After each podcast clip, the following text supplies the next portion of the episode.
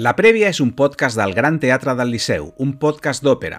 Guió de Javier Blánquez, disseny sonor de Javi Álvarez, edició d'àudio d'Irene Novoa i narració de Núria de Ulufeu.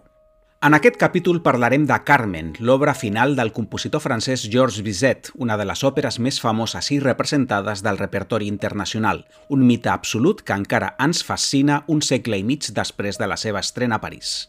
Carmen s'ha descrit moltes vegades com l'òpera total. La seva partitura és memorable i no conté ni un sol segon innecessari. La seva acció és tan intensa com excitant i el missatge que s'imposa quan cau el taló continua sent altament rellevant al nostre temps. En l'aspecte escènic, Carmen combina el llenguatge de la comèdia lleugera amb el de la tragèdia més horrible, acompanyada d'altes dosis de realisme i sensualitat.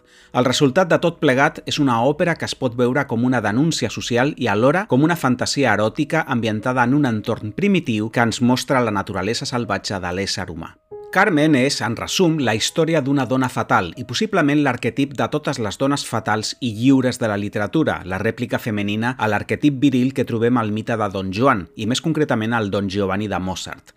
Inspirada en el personatge creat pel novel·lista Prosper Mérimée, la Carmen de Bizet és una jove gitana que no accepta cap llei tret la seva. És independent, temperamental, té un control absolut dels seus apetits i dels seus afectes i aconsegueix que tots els homes se sotmetin a la seva voluntat, fins a portar-los a la bogeria. Precedent molt clar del feminisme empoderat del segle XXI, Carmen és també una heroïna tràgica que morirà assassinada per Don José, l'amant a qui ha abandonat, un home gelós i feble incapaç d'acceptar civilitzadament un rebuig. I és també la millor òpera espanyola de tots els temps, encara que composta per un francès genial que mai no va visitar Espanya.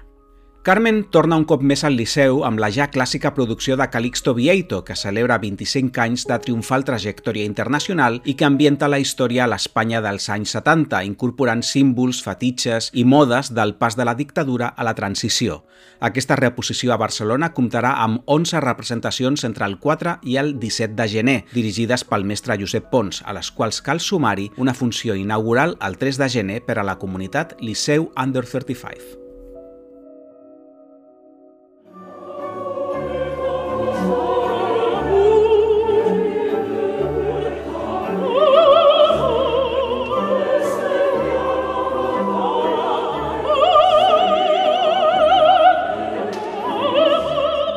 A la seva famosa habanera, la melodia del primer acte amb què entra en escena, Carmen descriu l'amor com un ocell rebel que mai no ha conegut la llei. Però quan es refereix a l'amor, realment està parlant de si mateixa com a encarnació suprema d'aquesta passió. Carmen se'ns presenta com una força de la natura, indomable i capritxosa. Sap que té el control absolut de la seva vida, dels seus desitjos i que pot exercir la seva voluntat com vulgui. Tots els homes estan rendits als seus peus i com bé indica la frase més famosa de la tornada, si tu m'estimes, jo no t'estimaré. Però si jo t'estimo, vés en compte. No hi ha cap millor resum del concepte de la dona fatal que Carmen encarna com cap altra figura de la literatura universal. Han vingut moltes després, sobretot a la novel·la negra i al cinema policíac, però cap com aquesta gitana volcànica i impredictible. Carmen és també una història trista, no només pel final, on la protagonista mor apunyalada, sinó perquè està relacionada també amb el final inesperat del seu compositor, Georges Bizet, que va morir d'un atac de cor tres mesos després de l'estrena de l'òpera, el 1875, als 36 anys. La llegenda explica que Bizet, que sempre havia tingut mala salut, es va afablir encara més amb la recepció freda que el públic de l'Òpera Còmica de París va dispensar la seva òpera. Una mort accelerada per la tristesa, que diu també la llegenda, va ser anticipada per la soprano Celestine Gallé-Marie, la primera Carmen de la història, quan va escenificar l'escena de les cartes de la fortuna al tercer acte i, en comptes de veure la mort del seu personatge, va veure la de Bizet. El compositor, en efecte, havia mort aquella mateixa nit, el 2 de juny, sense arribar a saber que aquella òpera seva, que havia estat rebuda inicialment amb indiferència, es convertiria en un incontenible èxit mundial, avui només comparable al de títols com La Traviata, La Bohème o La Flauta Màgica. De fet, les estadístiques que proporcionava pàgina web Opera Base a finals de l'any 2023 indiquen que Carmen és la quarta òpera més representada de la història, amb prop de 17.000 funcions documentades i unes 3.500 produccions diferents en un segle i mig.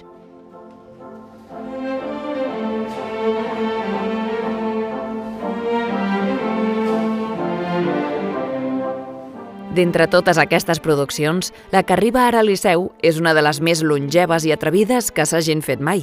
És la de Calixto Vieito, que va presentar el 1999 al Festival de Paralada, una coproducció entre les òperes de Barcelona, Palerm, Venècia i Turí, i que s'ha vist pràcticament a tots els grans teatres del món, des de París a Nova York.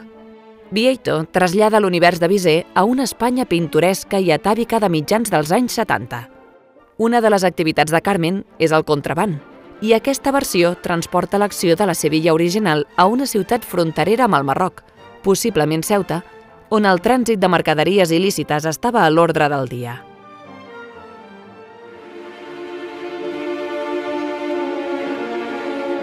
En la seva producció, Vieito transforma els militars del cos de dragons al que pertany Don José en legionaris i a l'escenografia minimalista d'Alfons Flores apareixen símbols de l'Espanya del pas de la dictadura a la transició.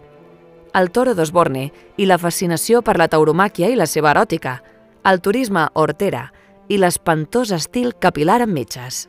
Però sobretot, s'accentuen dos elements centrals de Carmen, la pulsió eròtica i la violència passional, que encarnen una protagonista sensual i uns soldats virils, alhora que esperpèntics, que traspuen masclisme.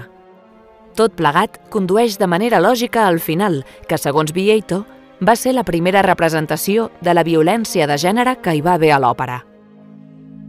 Carmen és un paper escrit originalment per a soprano, però que poden cantar també indistintament mezzosopranos i contrals.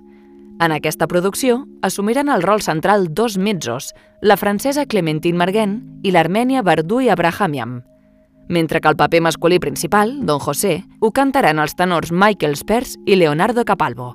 El paper del torero Escamillo serà per als barítons Simon Orfila i Eric Green, mentre que el breu però important rol de Micaela, per a soprano lírica, l'assumiran les joves Adriana González i Janine de Vic. La resta de papers seran per Felipe Bou i Toni Marsol, que cantaran les parts de soldats Zúñiga i Morales, i per a Jean Antem i Carlos Cosías, que seran els contrabandistes d'Anquej i Remendado, i per a Janine Habersham i Laura Vila, que cantaran les companyes de Carmen, Frasquita i Mercedes. Tot plegat sota la direcció musical del director titular de l'Orquestra Simfònica del Liceu, Josep Pons, un especialista en música espanyola que, precisament, defensa Carmen com la millor òpera espanyola possible, una contradicció interessant, ja que Bizet, lògicament, era francès. Això mereix una explicació que ara ens desenvolupa el Javier. La coloratura.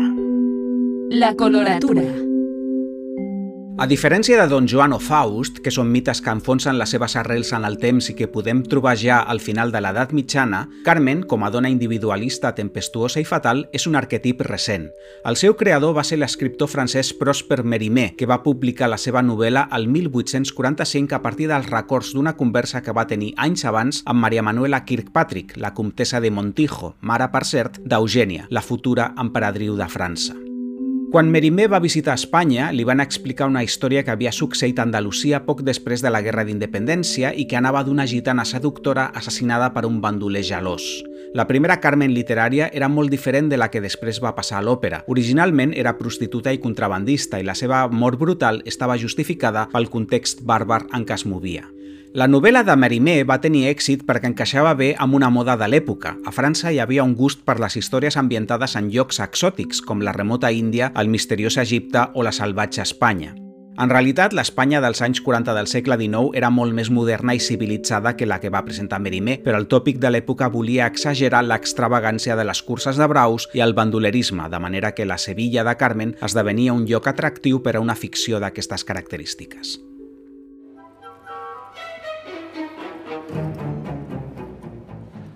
La història va començar a transformar-se al voltant de l'any 1872, quan Henri Melchiac i Ludovic Halevi van començar a treballar en un llibret que van oferir a Bizet, aleshores un compositor en ascens i que ja havia estrenat diverses òperes i ballets. Milhac i Halevi eren llibretistes importants, l'equip més prestigiós del París del final del Segon Imperi i al començament de la Belle Époque. Milhac seria el responsable dels versos de la Manon de Massenet i Halevi havia col·laborat estretament amb Jacques Offenbach. Tots dos tenien prestigi i la seva Carmen es va plantejar com una gran estrena per a la temporada de 1875 a l'Òpera Còmica, un dels quatre teatres que hi havia a París aleshores. Bisset havia demostrat un gran talent en peces com Els pescadors de perles, que també recorria al tema exòtic en ambientar la història a l'illa de Ceylan, o al ballet L'Arlesiana, i va acceptar compondre una obra de tema espanyol que l'obligava, per tant, a que sonés espanyola. I aquí és on es manifesta la genialitat de Bisset, que amb prou feines es va moure de París, que mai va travessar els Pirineus, però que va compondre una música que ens trasllada al cor de la península ibèrica. Carmen és una òpera plena de grans números, tant enganxosos com memorables. Un és l'Havanera, l'ària amb què es presenta la protagonista. La música de l'Havanera no és de Bizet, ja que aquest va prendre una melodia preexistent composta per l'alavès Sebastián Iradier, que va arribar a conèixer Merimé i l'emperadriu Eugènia, i que havia fet carrera com a compositor de sarsueles i cançons populars. De fet, Iradier va publicar a França un llibre de melodies que es va fer popular, Fleurs d'Espanya, i que sens dubte Bizet va haver de conèixer. Un altre dels números principals de Carmen, la seguidilla del primer acte, està inspirat en la dansa popular manxega del mateix nom i molts dels cors i números més frenètics es corresponen amb el llenguatge de les marxes militars o de les fanfàrries taurines, com la famosa d'Escamillo, Toreador en Garde. Tot això és el que dona a Carmen un vernís accelerat, exòtic i folclòric que Bizet va saber integrar en un llenguatge musical amb tocs moderns, com les velles àries líriques de Don José i Micaela, o l'utilització d'un leitmotiv recurrent amb el tema de la mort, que recorre tota l'òpera al més pur estil wagnerià. Carmen és un exemple fabulós de com l'excel·lència musical s'adapta com un guant a l'excel·lència dramàtica. Aquí cal recordar la famosa defensa que en va fer el filòsof Friedrich Nietzsche quan va trencar la seva amistat amb Wagner després de la decepció que li va suposar l'estrena de Parsifal. Nietzsche va arribar a dir que Carmen era l'òpera perfecta, la que millor representava l'esperit revolucionari que ell defensava per la seva proximitat a la vida. En definitiva, Bizet no va trepitjar mai Espanya i cap òpera espanyola és tan gran com Carmen, però tècnicament i espiritualment és l'òpera definitiva definitiva que neix del folklore espanyol, un espai musical que Josep Pons domina com ningú.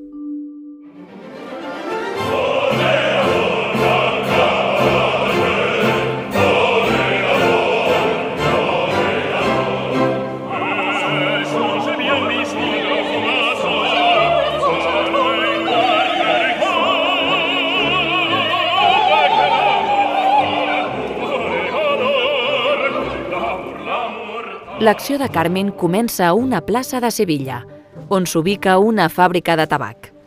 Uns soldats estan passant l'estona, observant la gent i esperant el canvi de la guàrdia.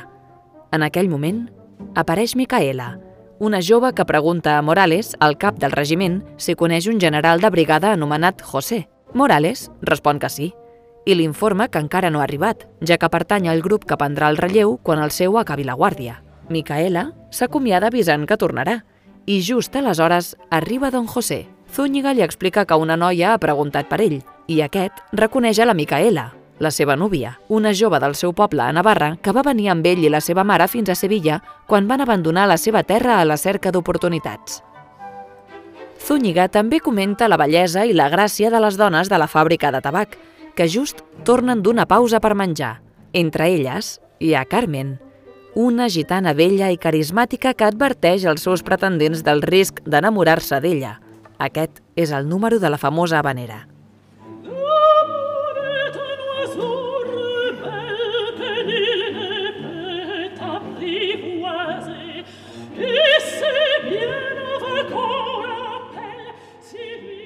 Don José ignora Carmen i ella s'adona que evita mirar-la, així que abans d'entrar a la fàbrica li llença una flor. Don José sent per primera vegada una profunda atracció per Carmen. Poc després es produeix una baralla entre la Carmen i una altra treballadora de la fàbrica. La guàrdia deté la gitana per agressió amb arma blanca i l'oficial Zúñiga ordena a Don José que la vigili abans de portar-la a la presó.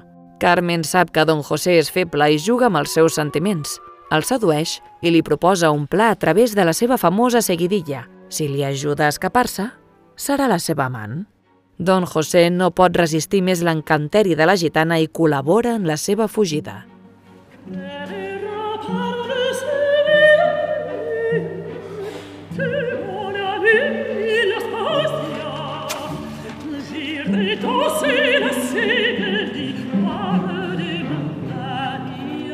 En el segon acte, l'acció passa a la taverna de l'illa Espàstia, als afores de Sevilla.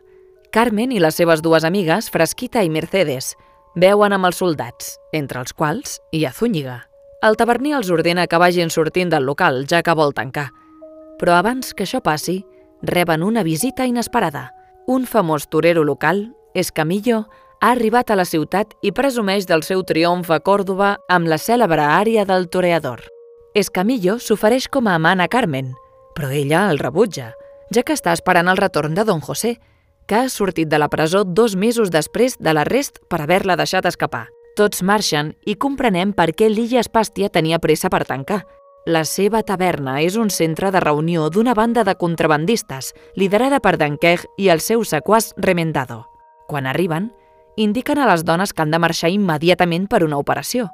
Carmen es nega, ja que sap que Don José és a prop. En efecte, Don José arriba i es troba amb la seva estimada. Ella li demana que fugin junts a les muntanyes, però Don José es resisteix. El seu orgull de soldat l'obliga a tornar amb el seu regiment.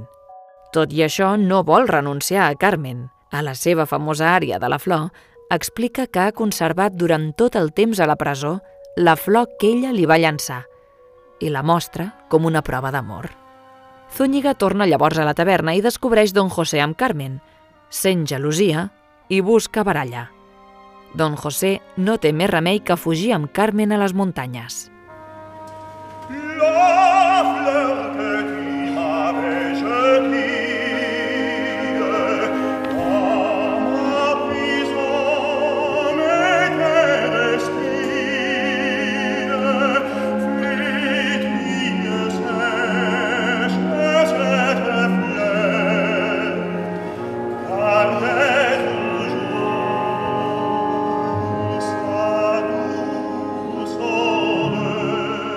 Al tercer acte, Carmen i Don José s'han distanciat.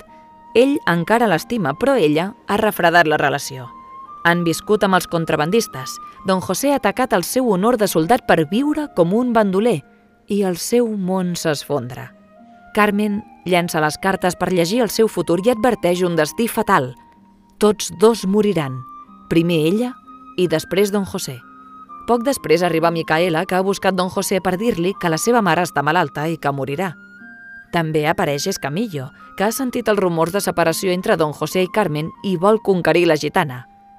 Carmen decideix anar-se'n amb Escamillo i Don José, humiliat, torna amb Micaela a casa seva. Al quart acte se celebra una fenomenal cursa de braus a Sevilla. Escamillo entra a la plaça i Carmen l'acompanya.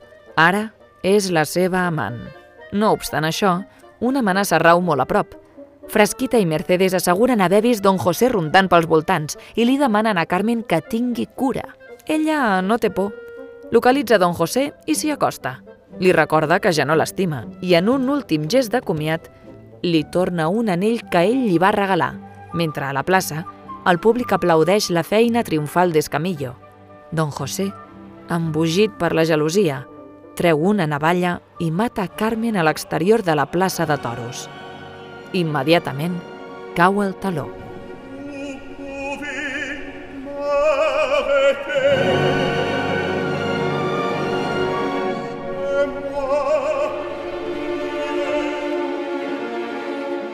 El final de Carmen és abrupte.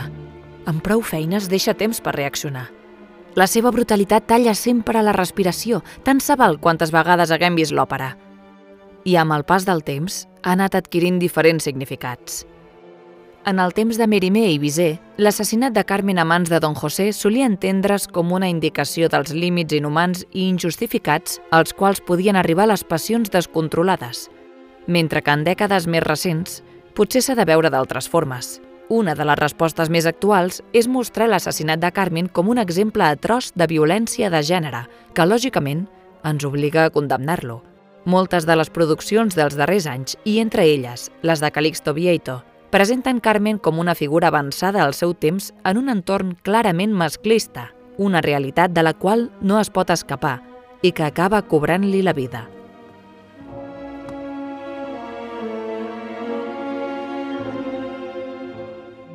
El final sanguinari no desmereixeria davant de cap tragèdia grega i això ens planteja un interrogant. Qui és realment Carmen? És una víctima o és una heroïna? Hi ha una línia en el seu diàleg final amb Don José molt interessant. Mentre l'home treu l'arma i amenaça de matar-la, Carmen li diu amb total seguretat que si l'ha de matar, que ho faci ja, sense dubtes. En certa manera, s'ofereix a morir, se sacrifica voluntàriament. A canvi de què? Podríem preguntar-nos.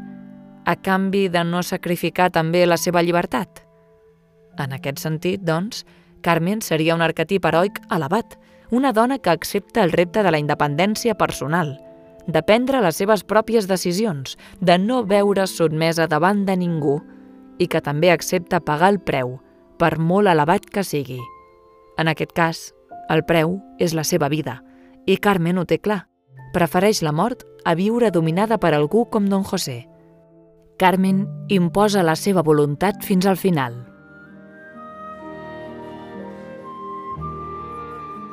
En resum, Carmen és una obra que recull moltes tradicions i més que una tragèdia, és una òpera festiva que celebra la llibertat.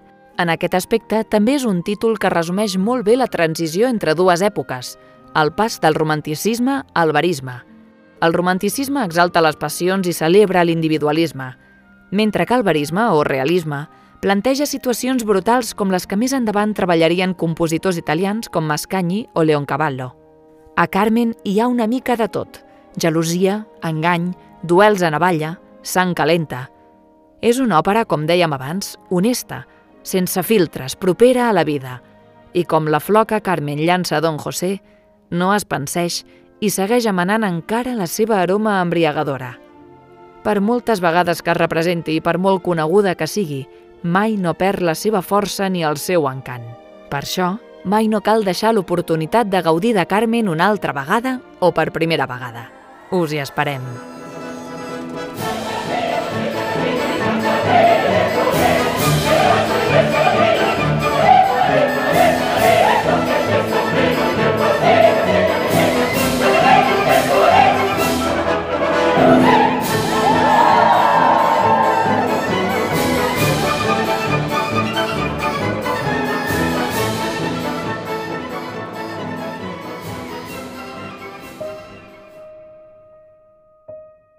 I fins aquí la prèvia de Carmen, un podcast que busca complementar i enriquir les òperes del Liceu, produït per la Màquina de Luz i amb la participació del Gran Teatre del Liceu.